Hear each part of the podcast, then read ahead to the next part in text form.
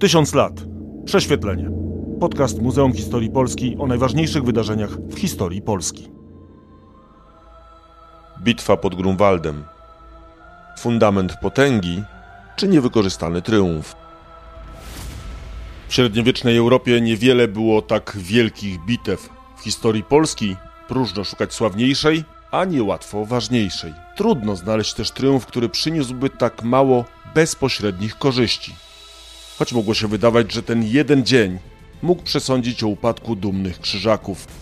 Pamięć o wielkiej bitwie obrosła zresztą tak wieloma innymi mitami czy historycznymi hipotezami. Czy rzeczywiście była to tak wielka bitwa, skoro mimo skrupulatnego przekopywania grunwaldzkich pól trudno doszukać się masowych grobów i śladów homeryckiego starcia? Co w bitwie robili Litwini? Uciekli, czy też tylko wciągnęli krzyżaków w pułapkę? Kto zabił wielkiego mistrza? Kim byli rycerze w płaszczach z czarnymi krzyżami, którzy w polskiej świadomości pozostają najczarniejszymi z czarnych charakterów? No i wreszcie, czemu Jagiełło, wódz nad wodzem, mając u stóp zakon, zwycięstwa nie wykorzystał?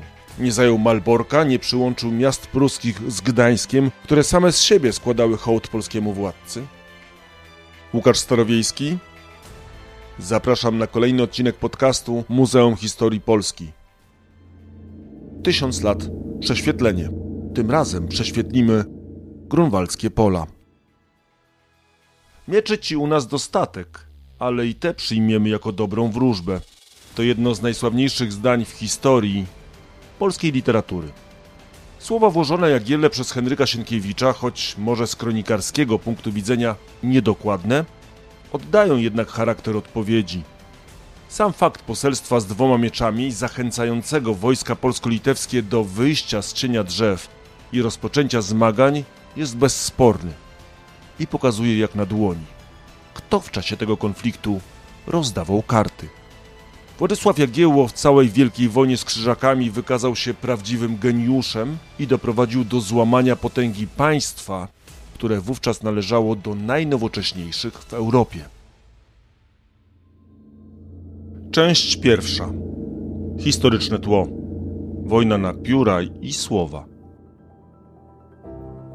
Wbrew historycznym stereotypom wskazującym krzyżaków jako odwiecznych wrogów Polski, sąsiedztwo zakonników na przełomie XIV i XV wieku nie było uciążliwe. Wręcz przeciwnie, ostatnią bitwę krzyżacy z Polakami stoczyli w 1333 roku za Władysława Łokietka. Jego syn, Kazimierz Wielki, ułożył się z zakonem. 10 lat po objęciu władzy i po wielu arbitrażach cesarza i papieża zgodził się na oddanie Pomorza. W zamian za to krzyżacy zwrócili Polsce Kujawy i ziemię dobrzyńską. Kazimierz zaś skupić się mógł na południowo-wschodnim kierunku i poszerzaniu granic o ziemię Rusi oraz zająć się sprawami wewnętrznymi dopiero co sklejonego kraju. Unia Polsko-Węgierska, w wyniku której królem Polski po ostatnim piaście został Ludwik Andegaweński, jeszcze umocniła ten sposób widzenia. Gdzie Węgrowi na polskim tronie do jakichś dalekich nadmorskich rubieży? A krzyżacy nie próbowali wzbudzić nadmiernego zainteresowania. Po usankcjonowaniu panowania nad Zatoką Gdańską mogli zwrócić oczy na północny wschód. Nie był to oczywiście wróg nowy. Praktycznie tuż po podbiciu Prusów zakonnicy rozpoczęli najazdy na Litwę, ostatnie pogańskie państwo w Europie. Tylko w latach 1223-1325 krzyżacy urządzili tak zwane rejzy, czyli zbrojne wyprawy przeciw poganom, aż 75 razy. Wyprawy były stałym elementem kalendarza. Zjeżdżało się na nie rycerstwo z całej Europy, żądne przygód i rabunku. Rejzy trwały zresztą w najlepsze także po chrzcie Litwy. Urządzano je wtedy zwykle raz do roku i trwały kilka tygodni. Nawracanie pogan, jak nazywali to krzyżacy, nie było jedynym celem zakonu w tym czasie. Łakomym okiem spoglądali na Żmudź. Dzięki zdobyciu tej nadbałtyckiej części Litwy mogliby połączyć swoje posiadłości w Prusach i Inflantach. Trudno wyobrazić sobie gorszy cios w samo sedno ich planów niż zawarcie przez Litwę i Polskę Unii, poparte chrystianizacją tej pierwszej. W 1386 roku, gdy Jagiełło wstępował na polski tron, krzyżakom zaczął się palić grunt pod nogami. Tym bardziej, że także Polska zwróciła baczne spojrzenie na należące do niej kiedyś północne ziemie. Nic dziwnego, że wielki mistrz Konrad von Rottenstein, poproszony o to, by został ojcem chrzestnym Jagiełły, odmówił. nie przyjmując też zaproszenia na wesele i koronację nowego władcy.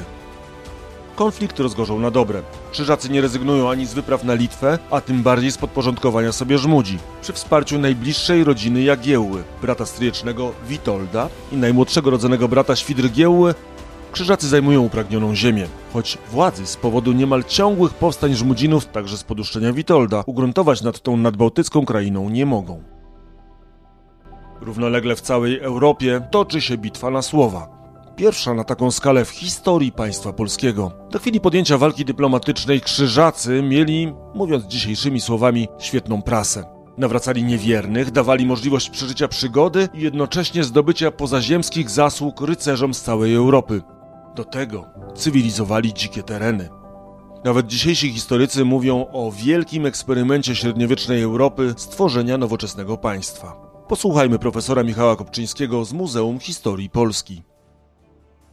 Państwo zakonu krzyżackiego było wielkim eksperymentem na terenie Europy z tego względu, że wzorce jego budowania zostały przeniesione do Europy z Ziemi Świętej, gdzie chrześcijanie tworzyli na obcym terenie państwa. Podstawą tego państwa była, tego krzyżackiego państwa, było panowanie nad terytorium, którego narzędziem były zamki. Kolejno w czasie podboju budowano kolejne zamki, rozbudowywano je i tam siedziała grupa, prawda, 12 braci, duchowni, no plus półbracia należący do zakonu.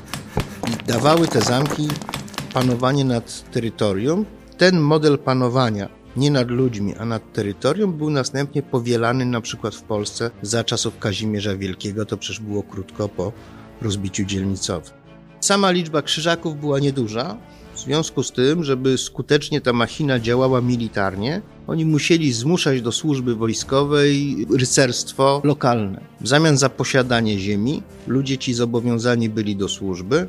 Zakon bardzo dbał o to, żeby nikt się specjalnie nie wzbogacił, bo wiadomo było, że jeżeli ktoś będzie miał duży majątek, to będzie jeden rycerz z tego dużego majątku, więc zakon dbał o to, żeby po śmierci takiego bogacza po prostu podzielić jego majątek i nadać go ludziom innym, tak żeby liczba rycerzy zobowiązanych do służby była jak największa. Zakon dbał o to, żeby jego poddani nie mieli żadnej samorządności. Oni podlegali sądownictwu zakonnemu sprawowanemu przez sędziów wywodzących się z zakonu, posługujących się spisanym prawem. Ta kwestia podległości i sprawy materialne stały się zarzewiem konfliktu w XV wieku między poddanymi a samym zakonem. Do tego organizowane przez krzyżaków wyprawy pod hasłem Krucjat ściągały kwiat europejskiego rycerstwa dostały się nawet do europejskiej literatury. Na pierwszym miejscu zwykle go sadzano pośród rycerzy wszystkich nacji w Prusiech, bo rzadko walczył na Litwie i Rusi równym ustanem rycerz chrześcijański. Głosiły słynne opowieści kanteberyjskie o udziale w jednej z wypraw Henryka hrabiego Derby, późniejszego króla Anglii. Ofensywa krzyżacka opierała się na tezie, że Litwa nadal jest państwem pogańskim, podobnie jak Jagiełło, jest bardziej poganinem niż chrześcijaninem. To efekt polskiej ofensywy dyplomatycznej. Już w 1388 roku wysłannicy Jagiełły uzyskali uznanie przez papieża małżeństwa litewskiego księcia z Jadwigą i poparcie dla chrystianizacji Litwy. Urban VI nazwał nawet władcę Polski Princeps Christianissimus, czyli władcą najbardziej chrześcijańskim. Jagiełło listy wysyła nie tylko do papieża, ale także m.in. do króla niemieckiego Ruprechta, w którym skarży się, że krzyżacy, jako spragnieni krwi chrześcijańskiej, jeszcze usilniej nastający na nasze wyniszczenie, wszędzie proszą o posiłki zbrojne ludu na pomoc, fałszywie oskarżając nas o zbrodnie apostazji. Apogeum wojny korespondencyjnej przypada na czas, gdy obie strony nie ostrzą już tylko piór, ale także miecze. Von Jungingen już od dłuższego czasu zbroi się na potęgę. Zbrojownie pękają w szwach. Wielki mistrz zdecydował się nawet na sprzedanie wyspy Gotlandii, by zyskać pieniądze na wojnę. Bezpośrednią przyczyną wojny był wybuch kolejnego powstania na Żmudzi. Wielki mistrz wystąpił do Polski o zachowanie neutralności w wojnie z Litwą, ale spotkał się z odmową. Do zatargów dochodziło już wiosną 1409 roku, ale nawet niemal w przededniu wojny nie wszyscy byli jej zwolennikami. A na pewno nie w Polsce. Sam Jagiełło co prawda parł do wojny, ale stanął przed poważnym dylematem bo jak pisał kronikarz, polscy doradcy zdecydowanie ją potępiali i z największą gorliwością zabiegali, by nie doszło do jej wybuchu i rozszerzenia. Wówczas do Malborka rusza królewskie poselstwo. Rozmowy przyspieszają bieg zdarzeń. Posłuchajmy Jana Długosza. Jeden z posłów królewskich, arcybiskup gnieźnieński Mikołaj Kurowski, nie mogąc znieść tak ostro wypowiadanych pogróżek mistrza, zwrócił się doń. Mistrzu, przestań, powiada, straszyć nas wojną litewską. Jeśli ty bowiem wybierzesz się na Litwę, bądź pewnym, że król nasz Prusy zbrojno nawiedzi. Nieprzyjaciół Litwy, my za swoich uważamy wrogów. Na ciebie więc zwrócimy oręż, jeżeli Litwę zaczepisz. Czy arcybiskup powiedział to nierozważnie od siebie, czy też, jak twierdzą niektórzy, ponieważ mu kazano? Nie jest także pewne. Uradowany tym oświadczeniem, mistrz dodał: Dziękuję ci, ojcze przenajwielebniejszy, że nie utaiłeś przede mną zamiarów twego króla. Ja twoją mową objaśniony i upewniony, raczej na głowę samą niż na członki cios mój wymierzę. Wojnę zamierzoną przeciw Litwie na Królestwo Polskie obrócę. Biskup Mikołaj Kurowski był doświadczonym dyplomatą. Trudno wyobrazić sobie, by dał się ponieść emocjom. Wydaje się, że miał sprowokować zakon do uczynienia pierwszego kroku, co czyniłoby go agresorem i dało Jagielle dodatkowy oręż w dyplomatycznych zmaganiach. Jeśli tak, z zadania wywiązał się znakomicie, bo już 6 sierpnia, niezwłocznie po wyjeździe poselstwa, wielki mistrz skierował do polskiego władcy list z wypowiedzeniem wojny. Krzyżacy przystąpili do działań błyskawicznie. Ledwie Jagiełło zdążył otworzyć list od von Jungingena, a już wojska zakonne wkroczyły na polskie ziemie. 16 sierpnia jednocześnie uderzyły na Dobrzeń, północno-zachodnią Wielkopolskę i północne Mazowsze. Najazd jest równie nagły co brutalny. Zakonnicy palą miasta i wycinają obrońców. Pod koniec sierpnia, dzięki zdradzie mieszczan, zajmują ważną strategicznie Bydgoszcz. Jagiełło potrzebuje więcej czasu na mobilizację. Polacy odpowiadają dopiero na początku września. Odbijają Kujawy z Bydgoszczą. 8 października pod miastem podpisany został rozejm do zachodu słońca 24 czerwca 1410 roku. Do prawdziwej Wielkiej Wojny trzeba się było dobrze przygotować. Część druga. A więc wojna. Wielcy rywale zakasali rękawy, przygotowania szły dwutorowo. Z jednej strony stricte wojenne, z drugiej w pocie czoła pracowali dyplomaci. Poselstwa obu stron krążą po całej Europie. Sprawa dotarła nawet do Londynu. Jak informował poseł zakonu, Jagiełło przysłał władcy angielskiemu cztery ogiery, prosząc go o niewspieranie krzyżaków. Akurat to poselstwo chybiło celu. Angielski władca poparł krzyżaków, ale tylko słownie. Sam zaangażowany był w wojnę stuletnią. W grudniu krzyżacy zawarli sojusz z królem węgierskim Zygmuntem Luksemburskim. Książęta Pomorza Zachodniego podzielili się. Szczeciński Kazimierz V stanął po stronie zakonu. Słupski Bogusław wsparł Polskę. Jagiełło zawarł też rozejm z Wielkim Księstwem Moskiewskim oraz przymierze z Mołdawią. Pomoc zaoferował też Han Złotej Ordy. Obie strony prowadziły werbunek najemników. Polacy zwerbowali 3000 zaciężnych z Czech. Plan ataku na Krzyżaków najprawdopodobniej powstał w grudniu. W naradzie w Brześciu Kujawskim brać miały udział tylko trzy osoby. Jagiełło, Witold i Mikołaj Trąba, ówczesny podkanclerzy. To wówczas zapewne zdecydowano, że nie ma co toczyć walk o sporne ziemie, czego oczekiwali krzyżacy, a trzeba uderzyć prosto w serce zakonu, na Malbork. Przygotowania ruszyły pełną parą. W Puszczy Niepołomickiej urządzono wielkie łowy. Ogromną armię trzeba było przecież wyżywić. W innej puszczy, radomskiej, natomiast rozpoczął się wyrąb na wielką skalę. Właśnie tam, a dokładnie w okolicy Kozienic, na zlecenie Jagiełły przygotowywana była największa niespodzianka tej kampanii. Pierwszy w historii Polski most saperski. Most składał się prawdopodobnie ze 150 łodzi i przęseł. Miał około 500 metrów długości. Wiosną został spławiony Wisłą do Czerwińska, a na początku lipca złożony w pół dnia. Nim to przez rzekę przeprawiły się polskie wojska. Równie niezwykła była punktualność stryjecznych braci. Tuż po przekroczeniu Wisły wojska Jagiełły połączyły się z armią Witolda. Prawdziwy majstersztyk. W czasach, gdy jedyny kontakt odbywał się za pomocą gońców, a nie jest pewny, czy dowódcy mieli mapy, synchronizacja często decydowała o losach wojen, a plan z Brześcia był realizowany z punktualnością szwajcarskiego zegarka. Trudno się dziwić, że Ulrich von Jungingen, spodziewający się bądź wspólnego ataku wzdłuż Wisły lub też osobnego uderzenia Litwy i Polski z dwóch stron, mimo relacji naocznego świadka polskiego rycerza w służbie posłów węgierskich, nie był w stanie uwierzyć w działania wojsk sprzymierzonych. Powiedziono o owym moście, który Polacy, jak mówią, na powietrzu zbudowali. Odpowiedział Dobiesław. Widziałem mieście ten most na statkach dowcipnie zbudowany i nie w powietrzu zawieszony, bo powietrze jeno ptastwu służy do latania, ale na Wiśle położony, po którym w oczach moich wszystko wojsko królewskie suchą nogą przeszło. Roześmiał się na to mistrz pruski Ulryk, szydząc z powieści Dobka, a zwróciwszy mowę do panów węgierskich, rzekł – Bajki to są w niczym do prawdy niepodobne, które ten człowiek prawi. Przybyli bowiem godni wiary szpiegowie nasi i oznajmili, że król polski Władysław ponad Wiślu się błąka i usiłuje, ale nie może przeprawić się przez rzekę, że już wiele rycerstwa jego szukając brodu potonęło. Witold zaś stoi nad rzeką Narwią, lecz nie śmie jej przekroczyć. To relacja Długosza, zapewne fabularyzowana, nie kłócąca się jednak z tezą, że von Jungingen kierunkiem ataku i sposobem jego przeprowadzenia był zupełnie zaskoczony.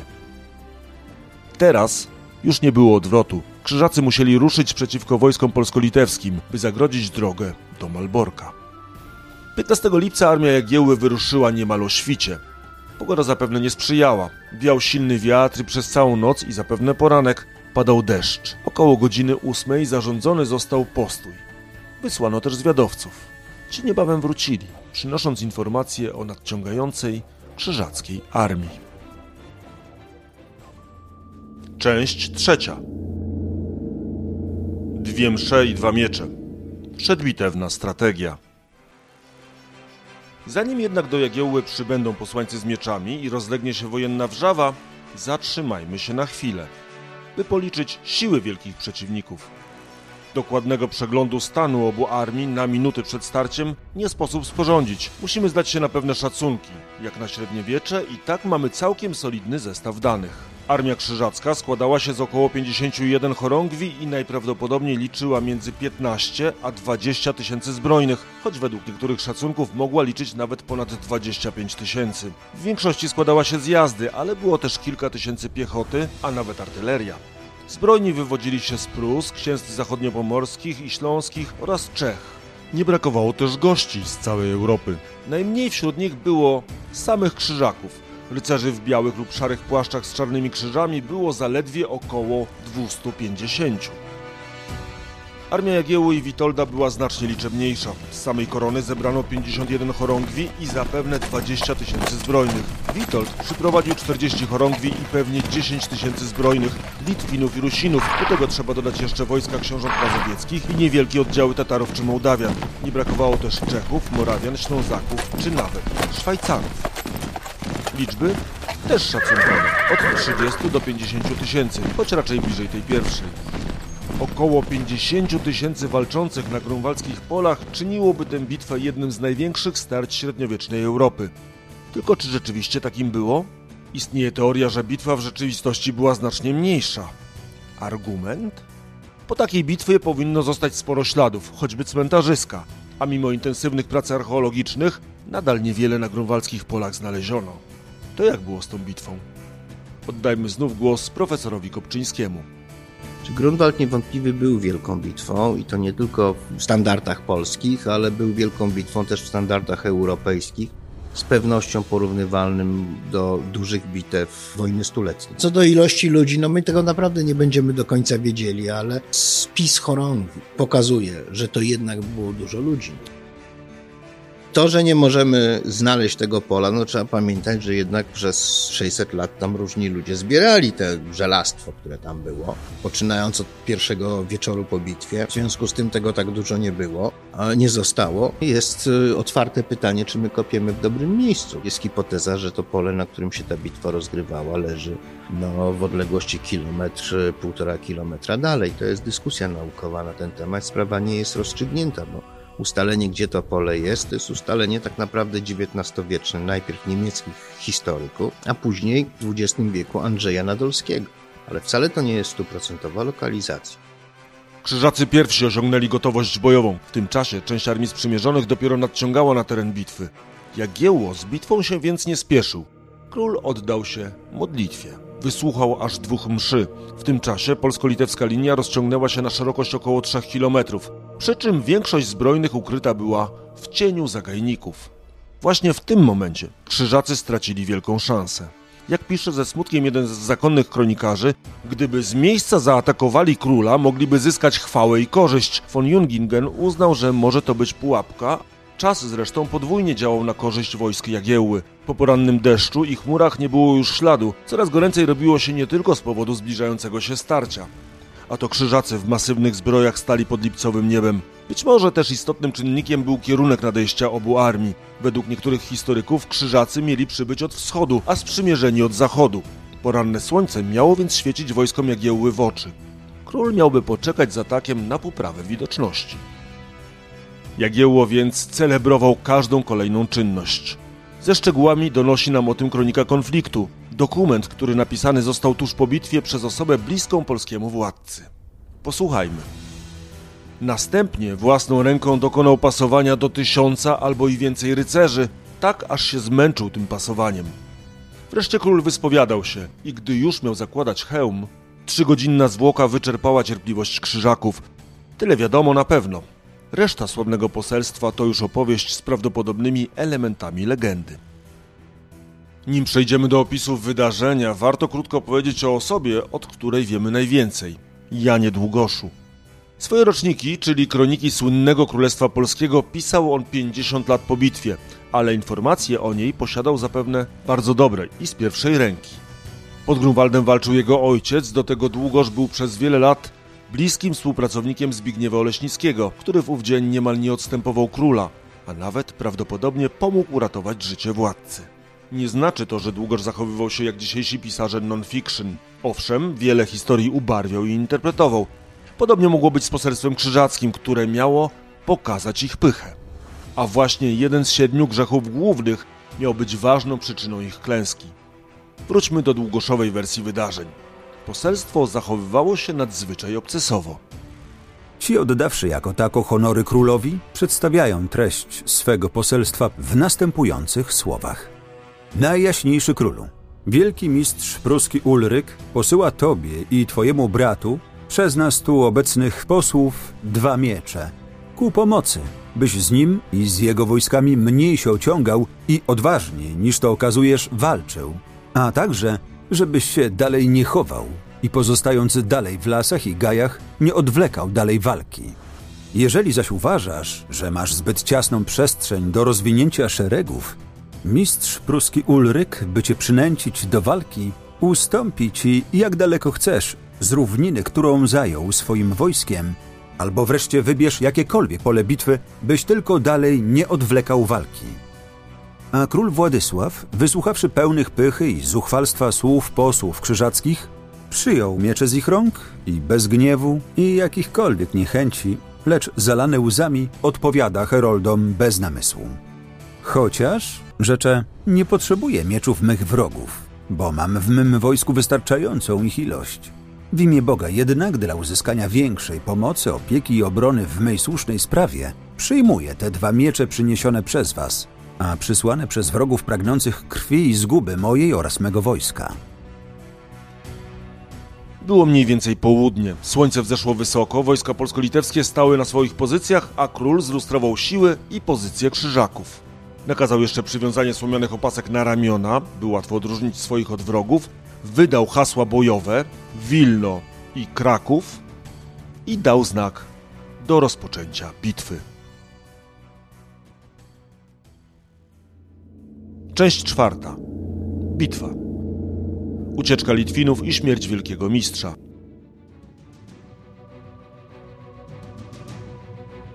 Jak relacjonują kronikarze, tuż przed rozpoczęciem bitwy spadł lekki, ciepły deszcz, a całe wojsko królewskie donośnym głosem odśpiewało Bogu Rodzice. Niezwykły to musiał być efekt. Jeszcze pewnie nie przebrzmiały słowa nieformalnego hymnu, gdy wojsko Jagiełły ruszyło do natarcia. Jako pierwsze prawe skrzydło. Wojska litewskie. Krzyżacy odpowiedzieli armatnią salwą. Ciała wrogów, bo wróg miał liczne działa, dwukrotnie dały salwę kamiennymi pociskami, ale nie mogły naszym sprawić tym ostrzałem żadnej szkody, relacjonowała kronika konfliktu. Obie armie natarły na siebie z pełnym impetem. Przy natarciu bowiem na siebie oddziałów, łamiące się włócznie i uderzające nawzajem o siebie zbroje wydawały tak wielki łoskot i huk, tak donośny był szczęk mieczy, jakby się zawaliła jakaś ogromna skała, tak, że słyszeli go nawet ci, którzy byli oddaleni o kilka mil. Następnie mąż nacierał na męża. Kruszyły się zbroje pod naciskiem zbroi, a miecze godziły w twarze. A walcząc, robili tak potężny huk, jak zwykle jedynie w kuźniach wydają uderzenia młota. Pierwsi, po godzinie walki, zaczęli wycofywać się Litwini. To jeden z najważniejszych, przełomowych i jednocześnie najbardziej kontrowersyjnych momentów bitwy. Uciekli Litwini z pola bitwy? Czy też może tylko ucieczkę pozorowali? Długoż wątpliwości nie miał. Wielki książę litewski Aleksander starał się biczem i potężnym krzykiem powstrzymać ucieczkę, ale na próżno. Wróg ścigał ich wiele mil, wycinając i biorąc do niewoli uciekających w przekonaniu, że ich już całkowicie pokonał. Uciekających zaś ogarnął tak wielki strach, że wielu z nich nie zatrzymało się, aż przybyło na Litwę i rozgłaszało, że poległ król Władysław oraz wielki książę litewski Aleksander i że wyginęło również kompletnie ich wojsko. Kronika konfliktu inaczej przedstawia litewski odwrót. Wtedy wrogowie ścigający ich sądzili, iż już odnieśli zwycięstwo i w rozproszeniu odbiegli od swych chorągwi i szyków, swoich chówców i przed tymi, których do odwrotu zmusili, zaczęli uchodzić. Niebawem, gdy pragnęli zawrócić, oddzieleni od swych ludzi i chorągwi przez ludzi królewskich, którzy ich chorągwie na wprost od skrzydeł przecięli, przepadli, albo wzięci w niewolę, albo wytępieni mieczem. Ci zasie, którzy pozostali przy życiu, powrócili do swoich ludzi. Zażarta międzynarodowa dyskusja trwa już nie latami, a wiekami. Od kilkudziesięciu lat na poparcie tej drugiej tezy mamy nawet pisany dowód. Znów posłuchajmy profesora Michała Kopczyńskiego. Nie jest pytanie, czy oni uciekli, bo się bali, bo przegrywali, tak jak sugeruje długość, czy uciekli dlatego, że była to pewnego rodzaju podstęp, którego celem było skłonienie krzyżaków do załamania szyku. I tutaj w początku lat 60. XX wieku jak to zawsze trochę przez przypadek, młody wówczas e, szwedzki historyk, mediewista zajmujący się zakonem Sven Egdal pracował w archiwum zakonu krzyżackiego i znalazł tam list, który był pisany do wielkiego mistrza z całą pewnością przez nieznanego autora, bez daty, tym e, liście jest powiedziane w ten sposób, żeby nie dać się w przyszłości nabrać na podstępy tych tutaj wschodnich rycerzy, którzy w czasie bitwy zwykli udawać ucieczkę. Jak to miało miejsce w czasie Wielkiej Bitwy, tam jest powiedziane. No, czyli chodzi o Grunwald. Ten list wskazuje, że to jednak chyba nie była ucieczka bez ładu. Liczy się też to, że część chorągwi zdobytych na krzyżakach została umieszczona w katedrze w Wilnie. No, gdyby naprawdę Litwini uciekli, no to nie byłoby powodu do tego, żeby takich wynagrodzić tymi chorągwiami. Że wojskom unijnym, tak to nazwijmy, dał on to, że jak tamci zaczęli uciekać, to wojska krzyżackie po prostu ruszyły w pogoń. I jak ruszyły w pogoń, to wtedy całe skrzydło jakby zniknęło, bo nie ma już kontroli nad nim. W ogóle w średniowiecznej bitwie kontrola nad walczącymi jest dość umowna. Po prostu pojechali. Nagle się okazało, że to skrzydło polskie, prawda, z rycerstwem polskim dalej stoi, no dalej uczestniczy w bitwie i Wielki Mistrz się zorientował, że znacznej części swojej armii już nie ma. I wtedy rzucił 16 chówców, na czele sam ruszył, rezerwy jaką miał uderzył w chorągiew małopolską z boku, ale jej nie przełamał. Zginął przy okazji i to był koniec. Tymczasem bitwa zmierzała do punktu kulminacyjnego. Uderzenia krzyżackie są potężne. Wydaje się, że szala zwycięstwa przechyla się na ich stronę. Krytyczna chwila następuje około 14, gdy pod naporem pada na ziemię Marcin z Wrocimowic, a wraz z nim wielka chorągiew Królestwa Polskiego z Orłem Białym. Najważniejszy znak całej armii. Takie wydarzenie zwykle oznacza odwrót wojska, a mówiąc bez ogródek, ucieczkę z placu boju. Krzyżacy triumfują. Intonują nawet swoją pieśń bojową Christ ist entstanden, czyli Chrystus zmartwychwstał. Zbyt wcześnie jednak. Polscy rycerze podnoszą chorągiew niemal natychmiast. To chwila zwrotna bitwy. Jak na bitwę kawaleryjską starcie trwa już długo. Około 15 Wielki Mistrz postanawia zagrać wabank. Do bitwy rzuca wszystkie swoje odwody, 16 najprzedniejszych chorągwi. Ulrich von Jungingen staje na ich czele. Wtedy po raz trzeci jest o mały krok od wielkiego zwycięstwa. Choć tym razem nawet tego nie zauważa. Jego chówce szarżują nieopodal stojącej na pagórku małej grupki polskich rycerzy, nie zwracając na nią specjalnej uwagi. Gdyby był bardziej spostrzegawczy, ten mało znaczący oddział to polskie centrum dowodzenia z samym Jagiełą. W stronę Polaków rusza tylko niejaki Dypold von Kokritz, rycerz z Łużyc. Według różnych relacji przeciwnika ranił jako pierwszy król bądź młody pisarz pozbawiony zbroi, Zbigniew Oleśnicki, a dobiła straż przyboczna. To już ostatnia szansa krzyżaków. Wkrótce ścierają się oni z najprzedniejszymi chorągwiami królewskimi, by stoczyć z nimi, jak pisze kronikarz, śmiertelną walkę. Pewnie wszyscy mamy przed oczami tę scenę z obrazu Jana Matejki.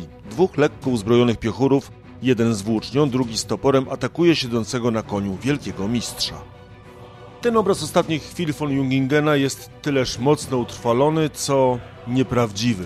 Nie ma najmniejszych informacji, jakoby lekko zbrojna piechota uczestniczyła w boju. Tym bardziej trudne do pomyślenia, by znaleźli się w miejscu, gdzie walczyli najprzedniejsi rycerze. Nie ma natomiast żadnych praktycznie poszlak, kto mógł zgładzić wielkiego mistrza. Bo choć w średniowieczu to powód do wielkiej chwały i sporych zdobyczy w postaci ekwipunku pokonanego, nikt się do tego oficjalnie nie przyznał, a kronikarze milczą jak zaklęci. W starciu ginie nie tylko wielki mistrz, ale niemal cała krzyżacka elita. Z około 250 braci rycerzy z grunwaldzkiego pola z życiem uchodzi zaledwie nieco ponad 40.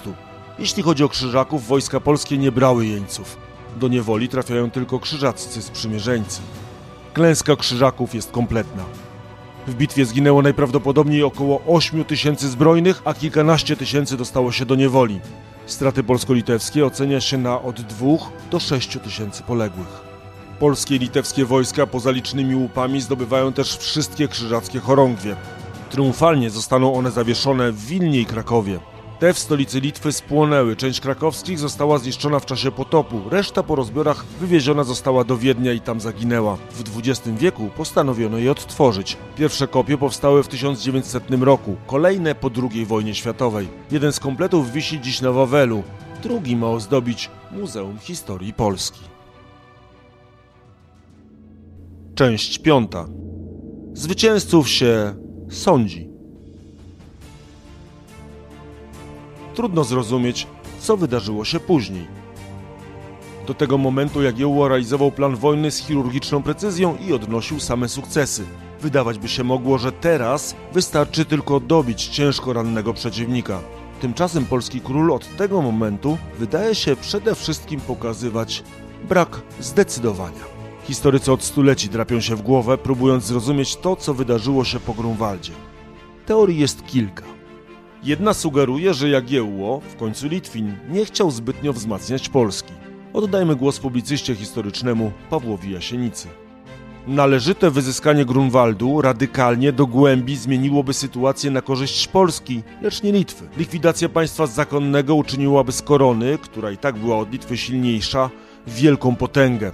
Tylko zachowanie jakiejś równowagi mogło uchronić Litwę od znalezienia się na łasce i niełasce korony. Ocalenie szczątka państwa krzyżackiego mogło się przyczynić do utrzymania równowagi politycznej. Jagiełło ani na chwilę Litwinem być nie przestał.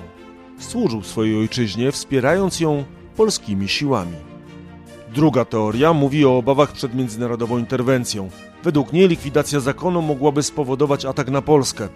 Istotnie do najazdu szykowali się władcy Czech i Węgier z rodziny Luksemburczyków, a szabelkami potrząsali także inni władcy europejscy.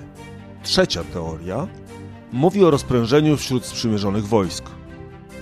Żadna z nich nie wydaje się przekonująca. Czy więc rzeczywiście polski król zmarnował grunwaldzki triumf? Czy rzeczywiście mógł zdobyć Malbork i przyłączyć Pomorze Gdańskie do Polski? Gdyby literalnie wierzyć Długoszowi, wszystko to było możliwe. Okazało się, że król i doradcy nie umieją korzystać z odniesionego zwycięstwa ani z pomyślnej sposobności danej im przez los i okoliczności.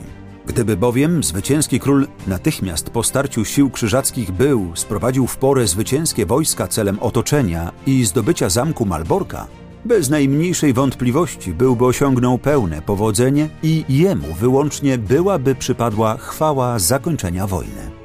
Wśród biegłych w rzemiośle wojennym poczytywano też na największy ten błąd króla, że wskutek niedbalstwa zaniechał wysłania żołnierzy celem zdobycia zamku Malborka, kiedy to było łatwe, gdy Malbork był niemal całkowicie opuszczony i pozbawiony obrońców, zanim przybył do niego z załogą komtur świecia Henryk von Plauen. Przewróćmy kilka kolejnych kart wiekopomnego dzieła. Dalej możemy przeczytać, że sam von Plauen w późniejszej rozmowie z Jagiełłą stwierdził, iż Polacy trzykrotnie mogli zdobyć zamek. Na początku wobec paniki obrońców, później przez wyłom w murze, a na końcu głodem. Także długoż donosi, jakoby von Plauen miał podczas oblężenia zaproponować pokój, zrzekając się Pomorza Gdańskiego i ziemi chełmińskiej. Lecz Jagiełło te warunki odrzucił. Dodajmy do tego kilka bezsprzecznych faktów. Jagielle poddają się praktycznie całe Prusy. Krzyżacki kronikarz pisze z goryczą: O tak wielkiej niewierności i tak szybkiej zmianie nie słyszano nigdy i w żadnym kraju, bo kraj poddał się nowemu królowi w przeciągu jednego miesiąca. W rękach Krzyżaków pozostaje zaledwie kilka zamków w Świeciu, w Gdańsku, ale bez miasta, czy w Królewcu. Narracja najsłynniejszego polskiego dziejopisarza brzmi więc wiarygodnie. Tyle, że poza jego rocznikami nie ma na nią dowodów. A więc po kolei. Szybki rajd na Malbork i uprzedzenie w wyścigu Henryka von Plauena był praktycznie niemożliwy. Komtur Świecia i jego dwutysięczny oddział nie brał udziału w bitwie, miał chronić ziemie krzyżackie przed ewentualnym polskim najazdem. Miał więc żołnierzy wypoczętych i jeden cel zamknąć się w bezpiecznych murach największego średniowiecznego ceglanego zamku świata. Wojska Jagiełły i Witolda natomiast musiały być wyczerpane ciężką, wielogodzinną bitwą. Trzeba było dać im czas na odpoczynek i świętowanie. Zwycięzcy musieli też pochować swoich zmarłych, opatrzyć rannych i porachować jeńców, a zapewne też podzielić ogromne łupy. Nakaz wymarszu już dwa dni po bitwie i tak wydaje się, zwłaszcza jak nowe czasy, tempem ekspresowym. Droga do Malborka też nie była w pełni oczyszczona. Co prawda wieść o klęsce rozeszła się szybko, ale nawet poddające się kolejne miasta i zamki trzeba było przejąć, a to opóźniało marsz. Z drugiej strony trzeba przyznać, że tempo poruszania armii nie było zawrotne. Do pokonania było około 130 km, a Jagiełło pod Malbork dotarł 10 dni po bitwie. Von Plauen, który ogłosił się namiestnikiem wielkiego mistrza, jest już w zamku od 6 dni. Zdążył opanować panikę i przygotować się do oblężenia. Nawet teraz, gdy ogląda się potężne mury, trudno wyobrazić sobie ich zdobycie. Mury w wielu miejscach wznosiły się na 23 metry. Dodatkowo wszystko otaczały głębokie fosy. Zamku strzeże około 3000 obrońców, którym nie grozi głód i pragnienie. Zapasy żywności są duże, a woda doprowadzana na bieżąco. Pod miastem oblężenie zakłada natomiast armia złożona głównie z jazdy i pospolitego ruszenia dysponująca małą liczbą armat, które i tak w owych czasach niewielką mogą zrobić szkodę murom. Malbork jest ostrzeliwany, pod murami toczą się też potyczki, niekiedy nawet zacięte, ale efektów tych potyczek nie widać. Na początku sierpnia dochodzi do pokojowych pertraktacji. To wtedy, znów według Długosza, von Plauen ma ofiarować za pokój Pomorze Gdańskie, ziemię chełmińską i michałowską. Sam von Plauen w jednym z listów co prawda potwierdza negocjacje, ale nie wspomina o takich warunkach kapitulacji. Tym bardziej trudno to sobie wyobrazić, że von Plauen liczy na odsiecz z Inflant od kawalerów mieczowych, a także z południa od królów Węgier i Czech. Czas też wcale nie działa na korzyść oblegających. Witold, książęta mazowieccy, a i całe pospolite ruszenie zaczynają się niecierpliwić. Jako pierwsi, na początku września, odstępują od oblężenia Litwini. Oficjalnym powodem są kłopoty żołądkowe. Biegunki mieli dostać od zbytkowego jedzenia, do którego nie przywykli. W ślad za Litwinami ruszają książęta mazowieccy oraz niektórzy panowie polscy. 19 września Jagiełło zwija oblężenie. Nie koniec to jeszcze działań wojennych. W październiku wojska Zygmunta Luksemburskiego wkraczają na Sądecczyznę pod Koronowem, niedaleko Bydgoszczy, zaś doszło do kolejnej bitwy polsko-krzyżackiej. Wojska polskie, choć mniej liczne, pokonują przeciwników. 9 grudnia w Nieszawie podpisany zostaje rozejm. Pokój zawarty w Toruniu w 1411 wobec wielkiego zwycięstwa pod Grunwaldem wydaje się wyjątkowo niekorzystny. Polacy odzyskali tylko ziemię dobrzyńską, Litwini Żmudź, ale tylko do końca życia Witolda i Jagiełły. Wojska sprzymierzone musiały natomiast wycofać się z wszystkich zajętych miast, w tym choćby z Torunia. Czy rzeczywiście Polska nie uzyskała praktycznie nic? Posłuchajmy jeszcze raz profesora Michała Kopczyńskiego. Był taki pogląd w historiografii, dość często wyrażany, że wielkie zwycięstwo z niewielkimi konsekwencjami, bo warunki pierwszego pokoju toruńskiego mogą się wydawać rozczarowujące. Pogląd ten zakwestionował wybitny znawca dziejów zakonu i Pomorza, Marian Biskup, w swojej książce o wojnach Polski z zakonem, wskazując, że w dłuższej perspektywie czasowej zakon już się nie podniósł po klęsce pod Grunwaldem. Nie podniósł się z paru powodów. Po pierwsze, kiedy wybuchła następna wojna w latach 1414-1422, zakon już nie zdecydował się na żadną wielką bitwę. Jego strategia polegała na tym, że odwoływał się do papiestwa, do cesarstwa, odwoływał się generalnie na zewnątrz, ale nigdy już nie odważył się stanąć w polu jak równy z równym. To znaczy, raz jeszcze spróbował w 1435, kiedy była kwestia następstwa po y, Władysławie Jagielle i poniósł jeszcze raz klęskę. A rycerze zakonni chowali się po zamkach, pozwalając y, wojskom polskim niszczyć w zasadzie bezkarnie tereny państwa krzyżackiego. To z kolei spowodowało kryzys fiskalny całego zakonu wymusiło podwyższanie podatków i różnego innego rodzaju opłat na miejscowym rycerstwie w końcu to rycerstwo stworzyło Związek Pruski, a gdy zakon usiłował go zlikwidować, po prostu podniosło bunt i podporządkowało się państwu polskiemu. Rycerstwo, ale także mieszczaństwo. Mieszczaństwo w dużej mierze etnicznie niemieckie. Nie bez znaczenia było też to, jakie wrażenie zwycięstwo polsko-litewskiego wojska wywarło w całej ówczesnej Europie. Nieźle obrazuje to wiersz, który został napisany po polsku kilkanaście lat po grunwaldzkiej bitwie. Król Włodzysław, Withold Ksans, posiekli brodacze szleżeli jako kołacze na polu grunwaldzkim. Słyszano tcho w królestwie Frankszem, czeskem, wangerskem, angliskiem i takodunskem. Bitwa rzeczywiście zyskała ogromny rozgłos. Informacje o niej pojawiły się w wielu kronikach, nie tylko w miastach hanzeatyckich czy na terenie Niemiec, ale także we Francji czy nawet na Półwyspie Iberyjskim. Z biegiem lat legenda Wielkiej Bitwy rosła, podobnie jak armie, które spotkały się na grunwaldzkich polach. Oficjalny kronikarz króla francuskiego serdecznie współczuł przegranej krzyżaków w wojnie z Turkami, których do boju prowadzić miał, jego zdaniem, brat krakowskiego króla i jednocześnie władca Saracenów. Swoisty rekord pobił autor jednej z kronik lubeckich. Mowa tam o kilku milionach wrogów zakonu. Pokój toruński nie okazał się zbyt trwały. Konflikt wybuchł już w 1413 roku. Trzeba było jednak jeszcze ponad 50 lat, by Pomorze Gdańskie zostało znowu przyłączone do Polski, a ponad wieku, by państwo zakonne ostatecznie przestało istnieć. Wielka wojna i grunwaldzki triumf namacalnych korzyści Polsce nie przyniósł i zapewne zarzuty o zbyt małe zyski Jagiełły mają swoje uzasadnienie ale bez wątpienia nie było to zmarnowane zwycięstwo, tyle że na jego owoce trzeba było poczekać. Było jednym z kamieni węgielnych pod budowę państwa, które właśnie wchodziło w swoje złote czasy. Polska, połączona z Litwą, stawała się właśnie jednym z największych i najpotężniejszych państw Starego Kontynentu, którego terytorium momentami osiągało ponad milion kilometrów kwadratowych. Wspólne państwo polsko-litewskie właśnie stawało się jednym z największych europejskich mocarzy. Bez złamania krzyżackiej potęgi pod Grunwaldem zapewne nie byłoby to możliwe. Tysiąc lat. Prześwietlenie. Podcast Muzeum Historii Polski o najważniejszych wydarzeniach w historii Polski.